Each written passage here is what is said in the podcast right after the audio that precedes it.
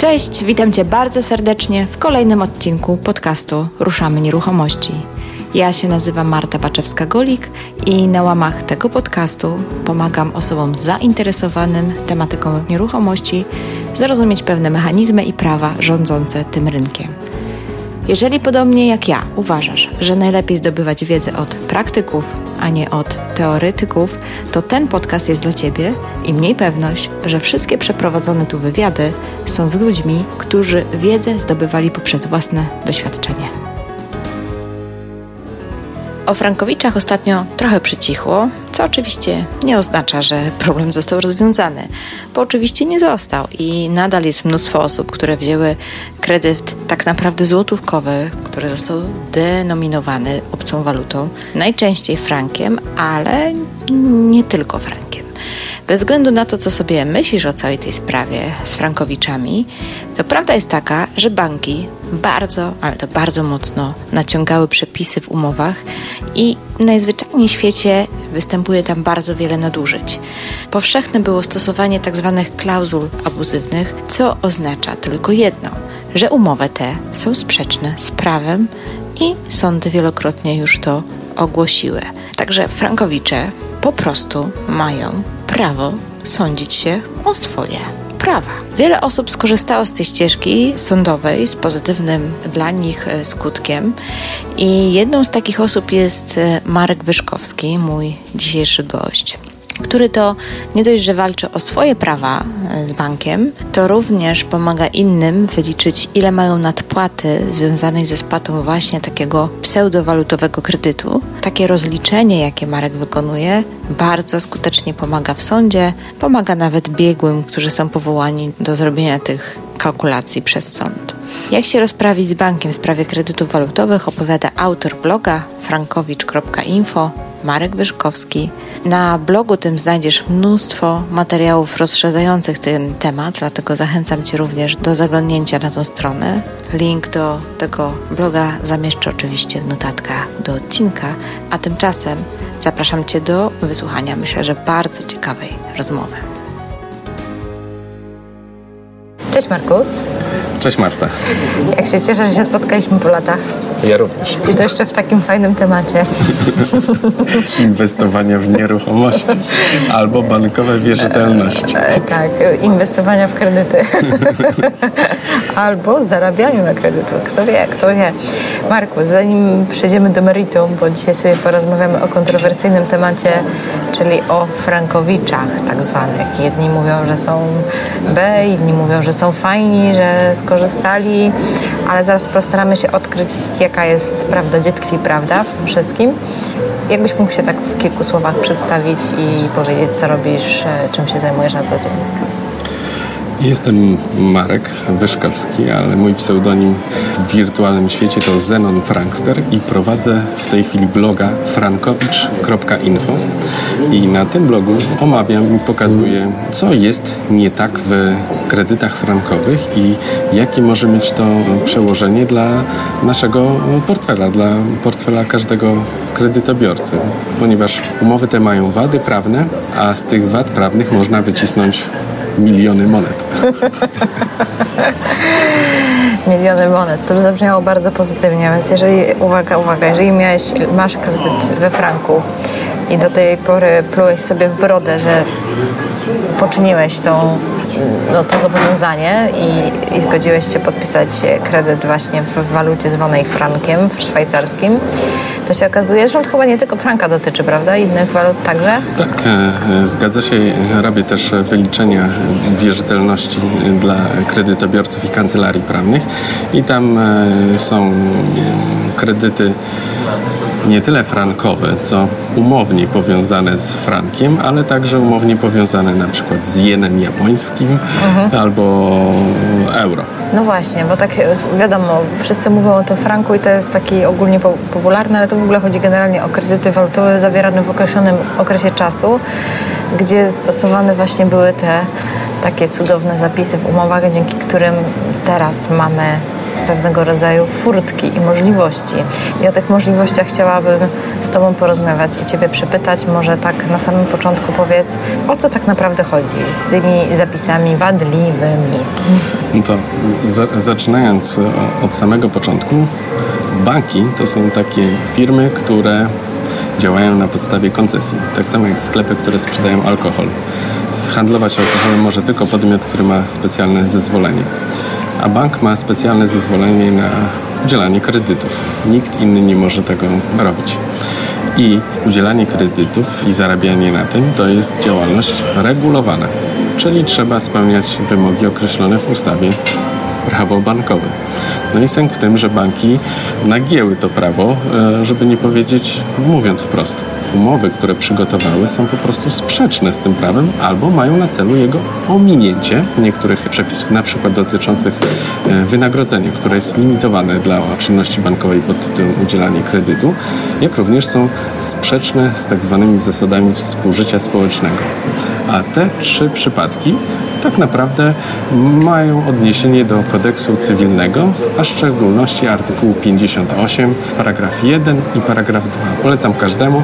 E, tam jest e, zapisane, że czynność prawna, czyli na przykład taka umowa, która jest sprzeczna z ustawą lub ma na celu jej obejście, jest po prostu nieważna. A jak jest nieważna, to okazuje się, że trzeba się rozliczyć.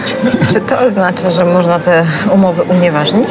Tak jest, te umowy można unieważnić, czyli tak naprawdę e, spotykamy się w sądzie, e, podnosząc odpowiednią argumentację i sądy stwierdzają, że taka umowa jest nieważna, tak de facto jakby nigdy nie została zawarta, a to, co strony sobie świadczyły, czyli bank wypłacił jakieś środki, a kredytobiorca spłacił jakieś raty, no to trzeba się po prostu rozliczyć całkowicie bezodsetkowo i takie, takie wyroki, również prawomocne, jak najbardziej są. Jest ich e, wiele i dotyczą bardzo wielu banków. I co ciekawe, dotyczą one nie tylko naruszeń prawa bankowego, ale również e, innych ustaw, chociażby prawa dewizowego, czy też e, ustawy o nieuczciwych praktykach rynkowych, gdzie e, banki po prostu wprowadzały w błąd klientów, podając im nieprawidłowe parametry kredytowe, takie do oceny, typu całkowity koszt kredytu, banki, mówiąc wprost, zaniżały te e, wartości, tak żeby klient, który chce wziąć kredyt, patrzy, gdzie zapłacę więcej, gdzie zapłacę mniej. A tu się okazuje, że to nie jest tak, jak pisze bank, tylko jest zupełnie inaczej. A to już jest, e, nazwijmy to, taka pomyłka, jeżeli można to w ogóle nazwać pomyłką, to kwalifikuje umowę do bezwzględnego unieważnienia. Pewnie dlatego teraz się troszkę zmieniły treści reklam, gdzie już ten współczynnik e, RSSO jest jest podawany, to jest całkowitym kosztem teoretycznym. Tak, wcześniej też był podawany, tylko że był podawany po prostu nieprawidłowo. Był po prostu zaniżany sztucznie Aha. przez bank poprzez pominięcie na przykład e, pewnych kosztów. Tutaj na przykład kosztów fikcyjnej wymiany walut, bo, bo w przypadku kredytów e, tak zwanych frankowych nigdy nie dochodziło do obrotu dewizowego, czyli bank nigdy nie wypłacał franków, bo, bo nie było w ogóle takiej potrzeby. On tylko po prostu je księgował albo na przykład udzielał kredyt i dawał e, tak zwane ubezpieczenie niskiego wkładu i tam była mowa taka, że ok, jeżeli nie spłacisz do 20% wartości kredytu, to takie ubezpieczenie trzeba będzie na przykład co roku odnawiać. I później się okazuje, że kredyt jest na 30 lat, to ubezpieczenie trzeba będzie odnowić co najmniej 5 razy, mhm. ale bank przedstawiając wyliczenia mówi, że tylko raz. Mówiąc wprost, no przegięcie pały. Tak, to prawda. Dobra, to porozmawiamy, bo powiedzieliśmy o tym, że tak naprawdę nie było obrotu dewizowego, więc porozmawiamy, co to jest ta indeksacja, która tak. jest zawarta w tych umowach, bo to taki jest chyba kluczowy punkt tego wszystkiego. I czy to jest indeksacja, czy to się nazywa denominacja, e, czy też waloryzacja, bo tak, takie nazwy też e, się pojawiają. Tak naprawdę to jest zabieg księgowy, który służy, tak ja to oceniam, to jest zabieg księgowy, który służy do tego, żeby to, co zostało wypłacone w złotówkach, zaksięgować sobie jako, jako mm, transakcję we franku, tak? Czyli to nie ma nic wspólnego z tak zwanym momentem kasowym, a jedynie z operacją księgową. Więc tak, tak de facto banki stosowały tak, tego typu zabiegi po to, żeby móc księgować we frankach e, kwoty, które wypłacały w złotych i odwrotnie, które klient później ma spłacać w, we frankach, w sumie to spłaca w złotych. Czyli tak naprawdę taka księgowa fikcja. Ale Nie, to się super... kreatywność. to się super sprzedawało, bo prawda jest taka, że zawsze było e, tak, że e, znaczy wcześniej, przed właśnie tym takim wspaniałym, nie wiem kiedy to w ogóle weszło, w którym roku te indeksacje, waloryzacje, denominacje i inne rzeczy weszły. Tak naprawdę te kredyty zaczęły się mniej więcej w 2005 roku. W 2008 był boom i w 2011 roku, No kiedy została wdrożona tak zwana ustawa antyspreadowa, która pozwalała legalnie nazwijmy to, płacić we frankach, żeby uniknąć tak zwanego spreadu bankowego, te produkty zostały wycofane całkowicie z obrotu. No właśnie, wiesz co, bo my, ja brałam z rodzicami, wtedy była nasza pierwsza inwestycja, kredyt we franku w 2003 roku i myśmy faktycznie dostali franki. Naprawdę? Tak, tak. I, i ten, ale to był 2002 albo trzeci rok. Więc jak ty w 2005 mówisz, to by się może nawet zgadzało. No i wcześniej tak faktycznie było, że to ryzyko walutowe kredytów polegało na tym, że brałeś jakąś tam kwotę w walucie, potem się zmieniał kurs i ty mogłeś mieć albo trochę za mało, bo trochę za dużo pieniędzy na zakup danej nieruchomości w Tak jest. złotówkach. E, I, I dlaczego o tym mówię? Dlatego, że to bardzo dobry był marketing wokół tego, że nic pan, pani nie ryzykuje. Jeżeli pani weźmie taki indeksowany kredyt, no to w tym momencie zawsze pani dostanie lub pan taką kwotę, jaką będzie potrzeba wypłacić sprzedającemu nieruchomość. Tak? Dokładnie tak. To ja też e, się z tym e, spotkałem, że Panie, to jest najlepszy produkt na świecie, ponieważ ja wiem, że Pan kupuje chatę za te 300 tysięcy złotych i Pan biorąc ten kredyt, który jest tutaj jakoś tam przeliczany przez bank na franki, to Pan dostanie 300 tysięcy, które ma Pan zapłacić i nie będzie sytuacji takiej, że ma Pan gdzieś coś tam do, do płacenia. Nie, Tak. tak, takiego ryzyka u nas nie ma. Tak, tak, tak, ale to naprawdę tak było. To był taki marketing, ja wiem, bo sama pracowałam w banku mniej więcej w tych czasach, w właśnie hipotekach, więc no tak to się sprzedawało, no taka prawda, tak nas uszkolono, tak nas uczono i prawda jest taka, że myśmy też wierzyli, że to jest super rozwiązanie dla klientów, mega No bezpieczne. Tak, oczywiście. Dla mnie e, najciekawsze było to, bo e, czas jakiś temu w telewizji polskiej był program, właśnie nie pamiętam w tej chwili jak się nazywał, ale e, wszystko o pieniądzach bodajże. I tam było e, pokazany był wykres, jak się kształtował kurs franka i były kwoty z, ze średniego kursu NBP. I tam było bodajże w 2006 roku frank był po 3,11. Natomiast jak ja brałem kredyt, to był po niecałe 2 złote. No to jak ta najstabilniejsza waluta zjechała z 3,11 na 2 zł. To, to jest bardzo duży spadek. Później jak się okazuje, więc to, to nie jest tam 5 czy, czy 10%, ale skoro to spadło o tyle, to można było przyjąć, że spokojnie może wrócić co najmniej do tych 3,11, czyli Tak. podskoczyć z 2 na, na, na 3, czyli tam o, O złotówkę. o, o złotówkę, a w procentach to, to już głowa boli. Tak? Więc y, mówienie, że to jest y, najstabilniejsza waluta na świecie, a, a takie bajki również i ja usłyszałem i, i uwierzyłem w nie tak jak niektóre dzieci jeszcze wierzą w świętego Mikołaja. No to, no cóż. Ale dzięki temu masz dzisiaj bardzo ciekawą specjalizację. Tak. Teraz mam specjalizację taką, że, e, e, że zajmuję się niejako zawodowo e, wyliczaniem e, wierzytelności e, wynikających z kredytu, czyli o ile można pozwać bank, czy też wyegzekwować z banku w związku z e, tym, że przygotował dla nas umowę, mówiąc wprost wadliwą prawnie, żeby nie powiedzieć kolokwialnie, dali ciała. Okej, dobra, to porozmawiajmy teraz o konkretach. Co tak naprawdę można uzyskać idąc na wojnę z, baj- z bankiem? Y, Idąc na wojnę z bankiem, można mm, po pierwsze stwierdzić, że umowa jest nieważna i wtedy okazuje się, że biorąc prosty przykład e, kredytu na 300 tysięcy złotych e, i bank wypłacił 300 tysięcy, klient spłacił powiedzmy sobie 200 tysięcy złotych, to e, w przypadku stwierdzenia nieważności takiej umowy do zwrotu jest 100 tysięcy złotych i się żegnamy. Czyli zero odsetek. Jeżeli były tam płacone jakieś ubezpieczenia i tak dalej, to to wszystko się wlicza w tą kwotę, która pomniejsza nam tą, tę część, nazwijmy to, dopłaty ale jak e, robię wyliczenia dla wiele osób już e, jest na, na poziomie takim, że zwróciły bankowi więcej pieniędzy niż, e, niż zostało im wypłacone i wtedy to bank musi im zwrócić te pieniądze. I co ciekawe, są już takie wyroki, że klienci, którzy całkowicie spłacili swoje kredyty, pozwali banki sądy stwierdzały, że umowy są nieważne i nakazywały bankom zwroty tych e, kwot, nazwijmy to, przewyższających e, wypłacony kredyt. Mhm. Natomiast jeżeli ktoś nie ma środków, można mm, wnioskować do sądu o to, żeby rozłożyć nam te płatności na raty. Jeżeli kredyt był wzięty na 30 lat, teraz mamy 10 lat spłacania, to zostaną nam jeszcze 20 lat, to umówmy się, że, że zaproponujemy sądowi, to my zwrócimy tą, tą pozostałą część w przeciągu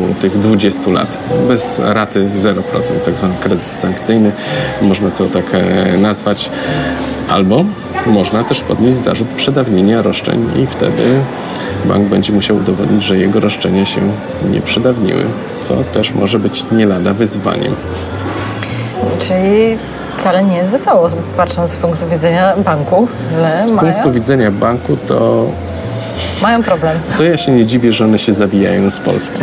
tak jak Raiffeisen, Deutsche Bank i tak dalej. I, myślę, że e, czy, czy, czy wcześniej tam Nordea. Myślę, że większość banków, które zobaczyły, jakie, że tak po, jaki szmeks wyprodukowały, jakie jest teraz e, koszty się z tym będą wiązać, czy też konieczność zwrotów e, kwot dla klientów, no to po prostu zwijają się z Polski. Niesamowite. No dobra, to za, zapytam Ciebie wprost, od czego zacząć? A, jeszcze jedna rzecz, bo no. może się okazać, że sąd stwierdzi, że umowa jest całkowicie nieważna, ale też może stwierdzić, że umowa jest tylko częściowo nieważna.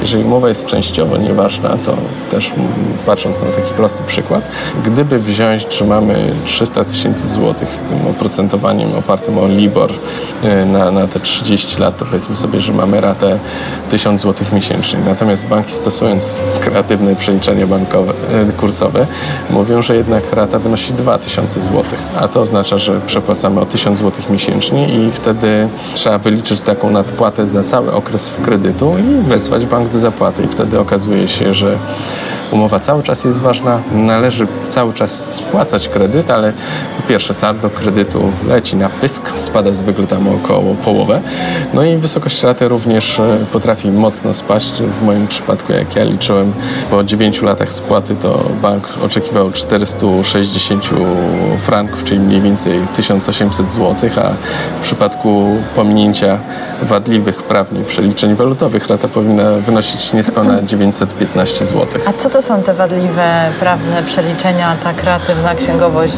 przewalutowywania, bo tutaj takich ładnych haseł używasz, no, ale co to, to, w praktyce oznacza? To oznacza, że jeżeli bank e, udzielił kredytu na 300 tysięcy złotych, a w umowie jest napisane, że oprocentowanie wynosi LIBOR plus marża banku, czyli powiedzmy sobie, niech to jest 2%, to rata kredytu niech tam wynosi sobie ten 1000 e, zł. Liczymy wtedy ratę kapitałową i odsetkową w oparciu o wykorzystany, e, faktycznie wykorzystany kredyt, czyli to, co zostało wypłacone, czyli te 300 tysięcy złotych z oprocentowaniem takim, jak wynika z umowy.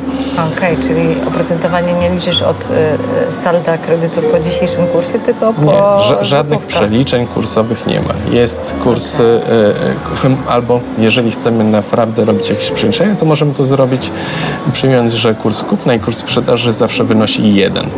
Bo to jest wtedy wynik działania matematyczny jest neutralny. Czyli nie ma żadnego skutku, a, a przepisy mówią o tak zwanej bezskuteczności. No więc to można powiedzieć, że to na jedno wychodzi. Okej, okay, no dobra, dobra. To myślę, że się robi coraz ciekawiej, zwłaszcza dla wszystkich e, osób, które mają walutowe kredyty e, zawierane w tamtych latach. To powiedz mi, od czego zacząć? No, jak dla mnie podstawową rzeczą jest e, skompletowanie swojej umowy i e, wystąpienie do banku o zaświadczenia, które potwierdzą nam kwoty wypłaconych środków, czyli kiedy, ile i w jakiej walucie bank e, przelał.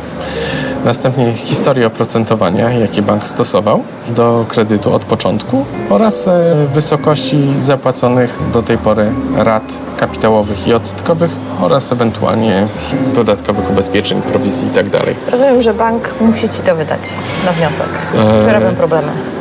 Banki robią to chętnie i niechętnie. Na stronie Frankowicz Info ukośnik pokwitowanie jest wzór takiego pisemka, które można sobie pobrać i, i wysłać do banku. Mhm. Tak? I tam, y, tam jest wskazane, że to jest żądanie wydania pokwitowania w trybie artykułu 462 kodeksu cywilnego. Jeżeli bank nie wyda takiego pokwitowania, to klient ma prawo na przykład zaprzestać płacenia lub też e, płacić do depozytu sądowego. No i to jest pewna komplikacja na pewno dla banku, ale banki wystawiają tego typu zaświadczenia zwykle jako kilka odrębnych i pobierają za to opłaty. Więc e, mając coś takiego, można zrobić wyliczenie i oszacować, wyliczyć bardzo dokładnie, ile jest e, do odzyskania w przypadku tak zwanego odwalutowania umowy, czyli częściowej nieważności oraz e, stwierdzenia nieważności całkowitej Ale to od razu w tym piśmie to piszesz? Nie, najpierw prosisz o te wszystkie Nie, ja, dokumenty, ja tak? proszę, trzeba po, no zarzo zażądać wydanie dokumentów Aha. czy zaświadczeń, które mówią o wypłaconych transzach, spłaconych ratach i oprocentowaniu. Okay. To, co jest istotne, w sumie to można nie chcieć występować o zaświadczenie o oprocentowaniu, ponieważ umowa mówi, jak jak należy wyliczać e, te, e, to oprocentowanie. Tylko, że sęk w tym, że później procesowo to troszeczkę komplikuje sytuację, bo ja akurat sprawdziłem, jak bank liczy oprocentowanie, złożyłem reklamację i dostałem odpowiedź, szanowny panie, w wyniku niezawinionego błędu technicznego od 2011 roku nieprawidłowo naliczamy raty kapitałowo-odsetkowe. I co mu zrobisz? No i, bank mówi, no pomyliliśmy się na pana niekorzyść o tyle i tyle złotych, ale ten błąd działa w dwie strony, więc pomyliliśmy się również na niekorzyść w naszą stronę. Powiedzmy sobie, że to tam było 200 franków, pobraliśmy za dużo i o 50 za mało, zwrócimy panu 150. Co pan na to? Ja mówię, no nie, płacicie 200 i odsetki ustawowe od tych 2011 roku bo to jest kwota bezsporna, ale e, jak dla mnie tam trzeba jeszcze uwzględnić kilka innych rzeczy. No i bank oczywiście powiedział, że żadnych odsetek, ale błąd weźmiemy na siebie. No i wtedy poszedł, poszło zawiadomienie do KIK-u, informacja do prasy, to zostało opisane i po trzech miesiącach mm, znajomi zaczęli mi donosić, że dostają korespondencję z banku, w której jest napisane, że bank powziął informację o błędzie systemowym i zwraca wszystkim klientom e, pieniądze. Przy czym nie zwraca gotówki, tylko zalicza na poczet przyszłych spłat. Tak, ale jak widać trzeba trzymać rękę na pulsie. No trzeba trzymać rękę na pulsie. Natomiast e, w przypadku procesu e, lepiej jest bazować w oparciu o dokument, gdzie bank e, mówi, że on stosował takie ten, no i wtedy robiąc takie wyliczenia mówimy, no słuchajcie, tutaj są wyliczenia oparte o zaświadczenie wydane przez bank. Jeżeli chodzi o kwoty wypłaconych rat, spłaconych rat i oprocentowanie. Jeżeli bank twierdzi, że coś jest nie tak, to niech wskaże gdzie jest błąd w obliczeniach albo gdzie skłamał w danym zaświadczeniu, bo kłamstwa w wydawanych zaświadczeniach albo inaczej poświadczenie nieprawdy jest na porządku dziennym w przypadku banków, w szczególności banku PKO BP mm, i kredytów e, przejętych po Nordea.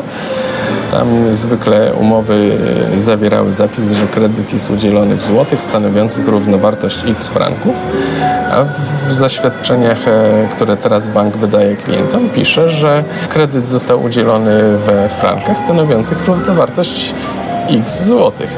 No, ja mówię, że to jest oczywista omyłka pisarska i proszę o jej skorygowanie, ale bank twierdzi, że nie, że to jednak nastąpił cud w kanie bankowej i tak jak wcześniej było w umowie, że umowa jest w złotówkach, tak Naprawdę? teraz nie wiadomo. Oczywiście. Niesamowite. I to, to, co jest ciekawe, wcześniej w postępowaniach wieczystoksięgowych, żeby ustanowić hipotekę, pisali, że faktycznie to były kredyty udzielone w złotych. Natomiast teraz w odpowiedziach na pozew i zaświadczeniach piszą po prostu, że udzielili kredytu we frankach. No to, to jest po prostu absurdy, no ale i dlatego są takie wyroki, a nie inne, czyli banki dostają dupę, a klienci dostają do portfela.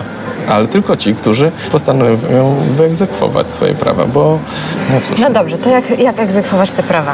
No. Proces grupowy, proces indywidualny, sąd, czy po prostu przestać płacić?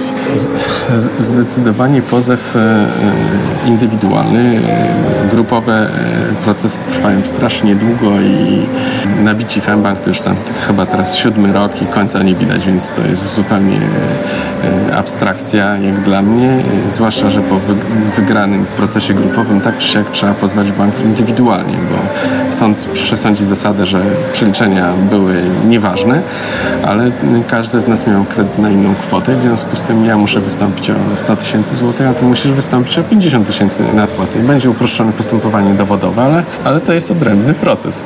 Więc e, i to wszystko można załatwić w procesie indywidualnym i procesy indywidualne zwykle trwają około 2-3 lat. I tam jest e, kilka strategii procesowych, które tam zależą od tego, jaki był ten rodzaj powiązania umownego kredytu z e, tą walutą obcą. Także, ale to są już, nazwijmy to, strategie procesowe, o których tutaj chyba nie ma sensu tak. opowiadać. Natomiast to, co bym chciał powiedzieć, to to, że to, co jest istotne, pozew czy też proces wiąże się z kosztami trzeba zapłacić prawnikowi jakąś tam opłatę i trzeba się liczyć z tym, że można proces przegrać, mhm. bo pewnie wielu z Was pamięta film Piłkarski Poker. Był tam sędzia Laguna, który drukował wyniki meczów. I tak samo czasami zdarzają się w sądach e, e, no, sędziowie, którzy wydają wyroki niekoniecznie zgodne z prawem. Na szczęście przysługuje prawo do, do apelacji, czy tam odwołania do, do wyższej instancji i wtedy takie wyroki często bywają zmieniane.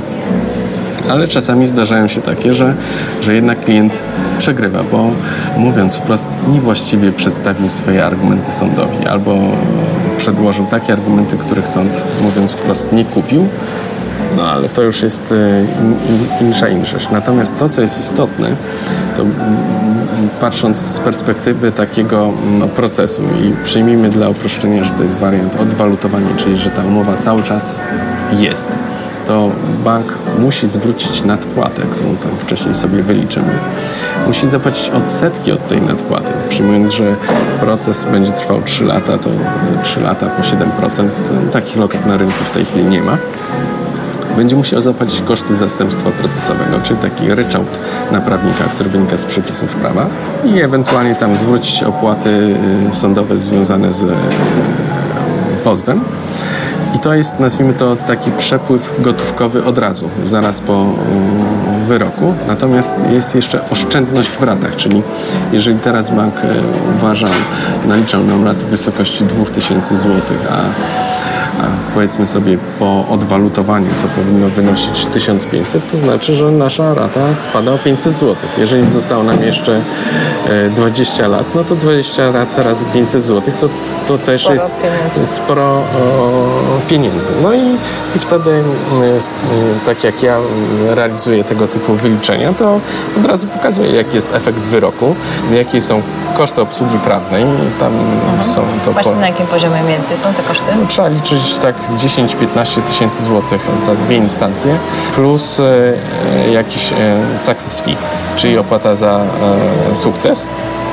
Ale są prawnicy, którzy oczekują zdecydowanie wyższych apanarzy i prawnicy, którzy no, zadowolą się mniejszym, jak również można wystąpić o to, czy możemy się mówić tak, że ja będę płacił panu w ratach i wielu prawników się na coś takiego zgadza, albo czy ja mogę zapłacić teraz powiedzmy sobie 5 tysięcy złotych, ale jak będziemy mieli ten success fee, to ten success fee będzie zdecydowanie wyższy aniżeli e, tak e, jakbyśmy to chcieli zrobić, że powiedzmy sobie bez success fee to, to niech to będzie 20 tysięcy, a ja tutaj mm, zrobię z opłata wyjściowa piątka, ale zapłacę panu 40 przykładowo. Myślę, że wielu prawników byłoby skłonnych na, na, na przystanie na taki układ. Co nie zmienia faktu, że nawet płacąc 40 tysięcy temu prawnikowi, to oznacza, że tak czy siak po wygraniu tego procesu i tak do naszej kieszeni wpłynie gotówka, bo to jest w ten sposób zrobione, że ta e, kwota nie przekroczy wartości środków e, zasądzonych przez sąd w trakcie postępowania. Więc z jednej strony mamy obniżone saldo długu, mamy mm, obniżone raty, a to oznacza, że sprzedaż nieruchomości jest jak najbardziej możliwa, bo w przypadku mojego własnego kredytu to było tak, że bank oczekiwał ode mnie 820 tysięcy złotych kredytu, podczas kiedy w przypadku od, odwalutowania, no to tam to moje zadłużenie powinno wynosić raptem 400 z małym hakiem, więc e, mówiąc wprost, ja jestem spokojnie w stanie sprzedać swoją nieruchomość pewnie za jakieś 800 tysięcy złotych i gdybym nie zrobił nic, to bym po prostu spłacił kredyt i został z niczym, a w przypadku pozwania banku i wygrania takiego odwalutowania, to sprzedaję tą, tą, tą nieruchomość i okazuje się, że te 400 tysięcy złotych zostaje w mojej kieszeni. E, a w przypadku stwierdzenia nieważności umowy, no to okazuje się, że, że, że w mojej kieszeni zostaje jeszcze więcej pieniędzy. Mhm. Czyli tak naprawdę walczy, walczymy po pierwsze o odwalutowanie, potem, e, a, a po drugie o unieważnienie umowy. I, to... I sąd może rozpatrywać te dwie kwestie osobno, tak? Czyli na e, przykład w ramach, częściowo... W ramach jednego pozwu Aha. mówimy, że na przykład wnosimy o stwierdzenie nieważności całej umowy, mhm a z tak zwanej ostrożności procesowej wnosimy o odwalutowanie. Tak z, z grubsza e, mówiąc. Czyli mamy sformułowanie, jeżeli sąd nie zgodzi się z tą argumentacją, to prosimy o wzięcie pod uwagę tej, tak żeby mieć od razu sprawę załatwioną. I tą tak, tak, mm, tak te pozwy są robione. Zwykle mają argumentację schodkową, czyli najpierw to, co najważniejsze, później e, to, co jest powiedzmy sobie mniej istotne, ale, ale, tak naprawdę to powinno wynikać z tego, z tych wyliczeń. Czy wiemy, co nam się bardziej opłaca? Czy bardziej mhm. nam się opłaca unieważnienie umowy, czy też odwalutowanie? To w takiej kolejności powinniśmy to e, podnosić argumenty i w ten sposób sąd będzie to oceniał, ponieważ sąd ocenia według kolejności tego, co jest w pozwie. Więc pozew jest o, o zapłatę i na przykład ustalenie zapłatę konkretnej kwoty i ustalenie, że, że ta zapłata wynika z tego, że sąd ustalił, że umowa jest cała nieważna albo że przeliczenia są nieważne. Super. Wiem, że na Twojej stronie jest jakiś taki kalkulator, którym można sobie to policzyć, czy nie? Nie, to czy... nie jest kalkulator, jest, e, czy... jest filmik, w którym okay. pokazuje, jak, jak można dokonać takich wyliczeń i robię to na, na własnym przykładzie. To jest e, na stronie frankowicz.info ukośnik matematyka. Okay. Tam pokazuje właśnie tabelki podsumowujące e, wyliczenia, taki raport dla nieważności, odwalutowania, jak również zysku i ryzyka procesowego. To, co akurat w moim przypadku pokazuje, to ten zysk do ryzyka to jest 18 do 1.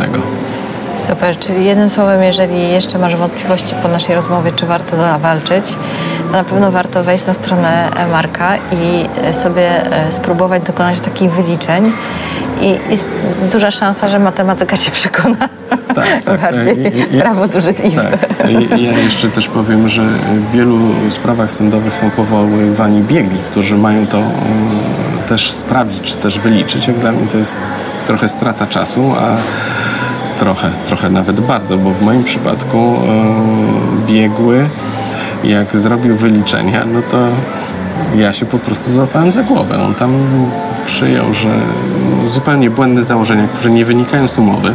E, następnie przyjął nie wiem, okresy karencji, które zupełnie też e, sposób wyliczania rat w czasie karencji, który też nie wynikał z umowy i zrobił przeliczenia zapewne w Excelu, przeciągając formułę IPMT.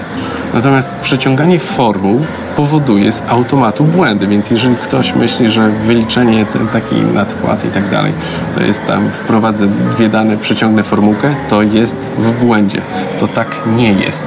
Mhm. Trzeba tam zwrócić uwagę na kilka aspektów właśnie związanych na przykład z koniecznością korekt w formułach. No i, i tutaj no, no, u mnie biegły zażyczył sobie 1200 zł za wyliczenie tej podstawowej nadpłaty zgodnie z tezą zapodaną przez bank. Zrobił to, chwała mu za to, że bardzo szybko, natomiast jak zobaczył jak on to zrobił, no to po prostu włos na głowie się zjeżył i wskazałem błędy. No i za przyznanie się do błędów i dokonanie tam y, ko ko kolejnych korekt, no to już wystawił fakturę na 2,5 tysiąca złotych. No i, i, w tych kolejnych wyliczeniach znowu były błędy, więc znowu y, zwróciłem uwagę na to sądowi i zbiegł musiał kolejną opinię uzupełniającą sporządzić. No ale to jest, mówiąc wprost, to, to, był, to, to, to było straszne przeżycie, ponieważ to wydłużyło mój proces o blisko półtora roku. Natomiast ta skala tych błędów biegłego była no, relatywnie mała. Tam powiedzmy sobie, że to było 1000 zł w pomyłce, tak? I czy warto dla, dla 1000 zł w tej pomyłce wykazywać błędy biegłemu. Teraz bym już tego nie zrobił, to jest pragmatyzm procesowy, natomiast też jak przygotowuję dla, dla, dla klientów e, wyliczenia, to robię je w taki sposób, żeby każdy mógł bardzo łatwo określić, skąd się biorą jakie liczby i opis metodologii również e, wyliczeń jest tak zrobiony, że to wręcz dziecko to, to zrozumie, a osoba z wyższym wykształceniem typu sędzia czy też biegły to, to, tym, bar, to tym bardziej ogarnie, zwłaszcza, że e, wskazujemy, że wszystkie dane pochodzą z zaświadczenia wydanego przez bank. Załączamy wydruk, który jest czytelny na jednej stronie A4 i co więcej załączamy plik arkusz Excelowy, który jest zabezpieczony przed zmianami, natomiast umożliwia weryfikację poprawności formuł, więc tam oczywiście to też tak jak nie można zrobić formuł, tak samo trzeba na przykład robić zaokrąglenie. Mhm. Jak robimy zaokrąglenie? Oczywiście wiadomo do zdawkowej jednostki monetarnej, która obowiązuje w Polsce, czyli do drugiego miejsca po przecinku. Mhm. No i takich tam niuansików jest wiele. Natomiast to, co jest istotne, jeżeli bank odpowiadając na taki pozew będzie chciał powiedzieć, że on kwestionuje co do wysokości, co do zasady, to trzeba mu powiedzieć, no to proszę wskazać błędy. A jeżeli nie wskazujecie błędów, a macie tutaj taki, taki jednoznaczny opis, e, no to to znaczy, że trzeba tak. przyjąć te, mm, te wyliczenia jako prawidłowe i żaden biegły już wtedy nie jest potrzebny. Dobra, powiedz jeszcze na zakończenie, na jakim etapie Ty jesteś ze swoim procesem? Ja e, z moim procesem czekam w tej chwili na orzeczenie Trybunału Sprawiedliwości Unii Europejskiej, ponieważ e, które dotyczy sprawy frankowej. Pytanie do, do Trybunału Unijnego wysłał Warszawski Sąd. Nie w mojej sprawie, ale e, wiele sądów w tej chwili po prostu, mając wiedzę o tym, że Polacy wysłali zapytanie do tak zwanego CUE, oczekuje i zawiesza postępowanie do czasu rozstrzygnięcia. Natomiast to, co jest istotne, to ten Trybunał Sprawiedliwości Unii Europejskiej już wielokrotnie wypowiadał się na temat frankowiczów z Rumunii, Hiszpanii, Węgier i tak dalej. I spodziewam się, że stanowisko CUE w sprawie Polski będzie takie same jak w przypadku innych krajów unijnych i mówiąc wprost, banki dostaną łomot. A tym bardziej jest to ciekawe, że e, stanowisko w sprawie przekazywał do Trybunału również rząd polski. I to stanowisko jest wyjątkowo prokonsumenckie i zdecydowanie zachęcam do, do, do zapoznania się mm, z jego treścią. Jest również również udostępnione na, na moim blogu, gdzie istotne fragmenty są wyróżnione kolorem, żeby łatwiej się czytało. Jasne. Czyli, czyli czekasz na, mm, na ten wyrok, ale to w jakiś sposób y, spowoduje przyspieszenie Twojej sprawy, czy już jesteś, czy masz zakończony proces no, no nie, jesteś nie. w trakcie? Czy ja jestem w trakcie procesu. Proces jest zawieszony do czasu rozstrzygnięcia tego, przez, y, tego okay. Więc to będzie taka A ile wskazówka. czasu już jest tym, że tak powiem? W 2016 roku pozwałem bank, Aha. przy czym to różne są absurdy w, e, w sądach, czyli na przykład u mnie e, bank e, wnioskował o to, żeby przesłuchać pana, który pracuje tam w dziale ryzyka i opowiedzieć, że bank miał franki. I sąd zgodził się na przesłuchiwanie tego pana i proszę wyobrazić sobie, że pierwsze pytanie jest takie. Czy uczestniczył pan przy zawieraniu umowy z panem Markiem? Nie. Drugie pytanie. Czy pracował pan w tym banku, kiedy pan Marek zawierał umowę? Nie. To co nam pan chce powiedzieć o tej sprawie? Nic. Chcę powiedzieć, że bank miał franki. No i sąd mówi tak, to niech pan mówi. Bo to są po prostu straszne sytuacje, bo, bo on tam gadają straszne, powiedziałbym, głupoty, albo e, mówiąc, jak dla mnie, to tak nawet chyba wprowadzają trochę w błąd sąd, bo jak tam pan mówił, że no, mówił wiele e, różnych rzeczy, ale te rzeczy po prostu, gdyby złączyć je logicznie, to się okazuje, że że to się po prostu kupy nie trzyma. I to tak e, bardzo, więc, e, więc wtedy po takim kilkugodzinnym przesłuchaniu warto wysłać do, do sądu takie pismo podsumowujące rozprawę i wskazać, że tutaj pan taki i taki na przykład mijał się z prawdą albo wręcz zaprzeczał e, swoim wcześniejszym zeznaniom. I to też e, powinno mieć e, wpływ na rozstrzygnięcie. Ale powiem też jeszcze o, o jednej rzeczy na, na, na zakończenie, bo to było, te wcześniejsze przykłady dotyczyły sytuacji, kiedy to klient pozywa bank, ale można też nazwijmy to, dać się pozwać. I wtedy to bank musi udowodnić, że ma rację. Banki mają bardzo duże trudności z tym, żeby udowodnić, że faktycznie wypłaciły klientom franki. Kiedy taka sytuacja ma miejsce? Taka sytuacja ma miejsce tylko i wyłącznie w sytuacji, kiedy klient przestaje spłacać raty. Ja zdecydowanie mm, to jest ryzykowne, albo inaczej trzeba na pewno odbierać pocztę, trzeba być skontaktowanym z prawnikiem i już mieć wszystko ugadane. Natomiast przed tego typu krokiem zdecydowanie e, proponowałbym wyliczenie takiej nadpłaty i wezwanie banku do zapłaty i wtedy mamy sytuację taką, że bank wie, że coś jest nie tak z umową, wie jakie tam są kwoty, wchodzą w grę. Oczywiście wyśle klienta na przysłowiowe drzewo, mówiąc, że wszystko jest jak najbardziej ok, nawet jeżeli się mu zacytuje prawomocny wyrok z analogicznych spraw, on powie, że pani Marta... To ciebie nie dotyczy. U pani sprawa wyglądała zupełnie inaczej, a później wyrok jest taki, że wyglądała tak samo i trzeba było klientowi zapłacić. I wtedy często się okazuje, że sąd oddala tak zwane powództwa banku, wysyła bank na drzewo i bank nie jest w stanie wyegzekwować tych kwot. A później jak będzie chciał to zrobić, no to, to sąd znowu wyśle go na przysłowiowe drzewo, stwierdzając, że sprawa o zapłatę wytoczona przez bank przeciwko pani Marcie w związku z umową kredytową taką i taką została już pra raz prawomocnie rozstrzygnięta i drugi raz nie może być. I takie, takie przykłady właśnie teraz ostatnio były dotyczące Getin Banku, gdzie, gdzie właśnie bank e, pozwał, przegrał, później pozwał jeszcze raz, no i sąd e, mówi tak, no ale drugi raz już nie można i wtedy, jako że klienta reprezentował prawnik, no to zasądził na, na, na rzecz klienta tam zwrot kosztów zastępstwa procesowego, czyli kilka tysięcy złotych.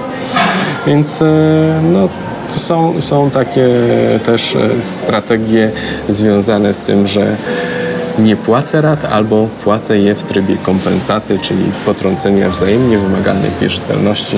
Są to niestandardowe rzeczy, ale, ale są i można z nich korzystać. Są przewidziane przez polskie prawo. Są przewidziane przez polskie prawo. Wiąże się to z jakimś takim, nazwijmy to, niedogodnością mentalną, chyba bardziej, głównie o to chodzi. Ja bym powiedział, że e, bank będzie wydzwaniał, będzie wpisał, no będzie dzwonił mówię. codziennie z innego numeru telefonu. Nawet jeżeli zastrzeże się swój numer telefonu i się go zmieni, to bank będzie dzwonił na ten numer, do którego już nie ma prawa przetwarzania. Czyli to są, wtedy można skarżyć do GIODO, czy tam teraz to się się inaczej nazywa, że, że, że przetwarzane dane są z naruszeniem prawa. Także no, i też potrafi przyjść jakiś tam nie wiem, windykator terenowy do domu i chcieć coś porozmawiać. Wtedy zwykle należy powiedzieć, że Jestem cały czas w kontakcie z bankiem, moje adresy do doręczeń są znane. Jeżeli bank chce mi cokolwiek przekazać, czekuję na list polecony, ponieważ potrzebuję środków dowodowych. Ponieważ jesteśmy w sporze i ten spór na pewno zakończy się w sądzie.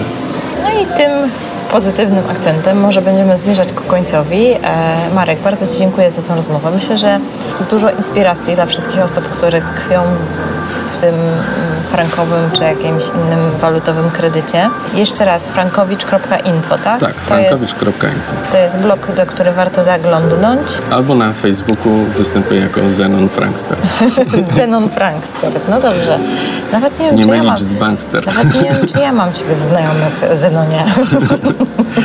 tak. pod, tym, pod tym nikiem. Dobrze, wszystkie, wszystkie linki zamieszczę oczywiście w odcinku, w notatkach do tego odcinka. Na zakończenie jakaś taka puenta podsumowująca?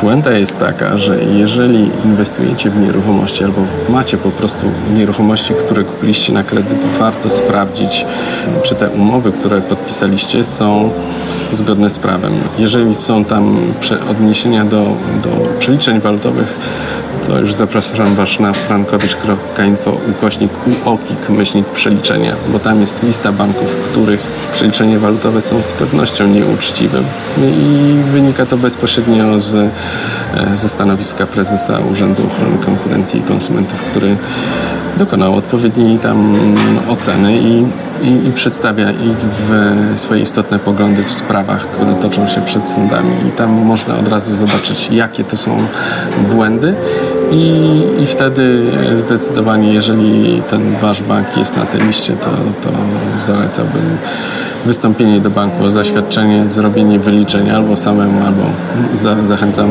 że tak powiem, również do, do, do indywidualnego kontaktu. I, i wtedy mając te informacje, no, należy już e, kontaktować się z prawnikiem, powiedzieć mam umowę taką, ona jest trefna tu i tu, i, a ten babol bankowy powoduje, że albo do odzyskania jest tyle w, w wariancie tym, albo do odzyskania jest tyle w wariancie tym.